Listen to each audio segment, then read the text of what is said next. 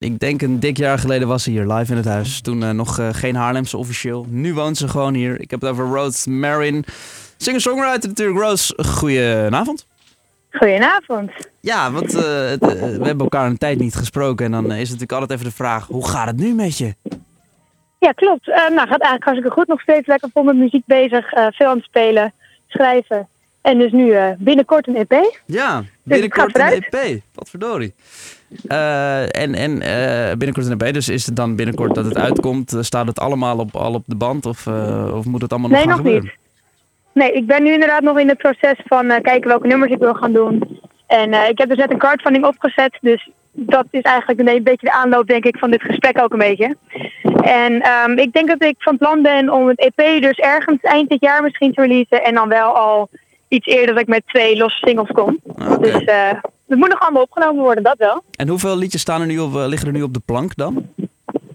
Nou, ik denk dat het uiteindelijk gaat om een EP van ja, vijf nummertjes of zo. Mm -hmm. En hoe, hoeveel heb je er nu afgemaakt dat je denkt van, uh, nou, die zouden er in principe allemaal op kunnen, maar ik moet daar nog uit kiezen?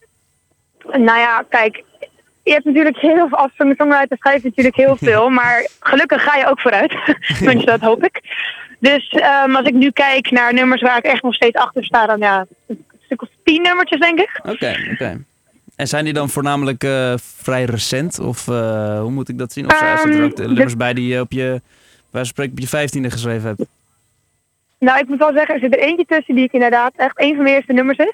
Okay. Maar voor de rest is alles wel redelijk recent. Alright, binnen alright. de afgelopen twee jaar. Dus uh, ja. Ah, Oké, okay, mooi zeg. En, en dan heb je dus die crowdfunding. Um, hoeveel geld is er eigenlijk voor nodig voor een EP opnemen?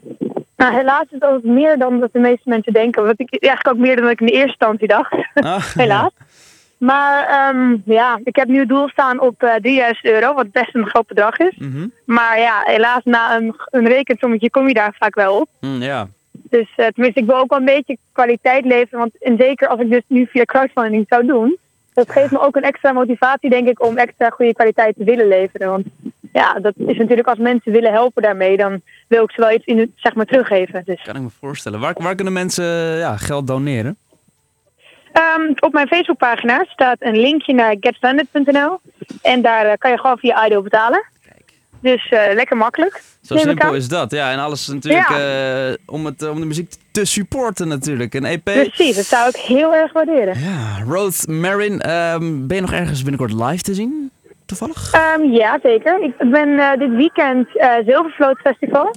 Ah, dat kijk. Is, uh, ja, dat is een festival in Amsterdam. Het is gedurende 24 Hours Noord. Mm -hmm. Of ja, 24 uur Noord. Ik weet niet hoe je het nou zou moeten noemen. um, en het is op het Veronica-schip in Amsterdam. En dat ah, is wow. eigenlijk een hele dag vol met artiesten, kunst, band, rappers.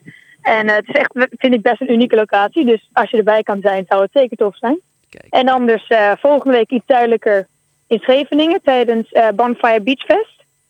Dus dat zijn twee uh, toffe dingen die op de planning staan nu.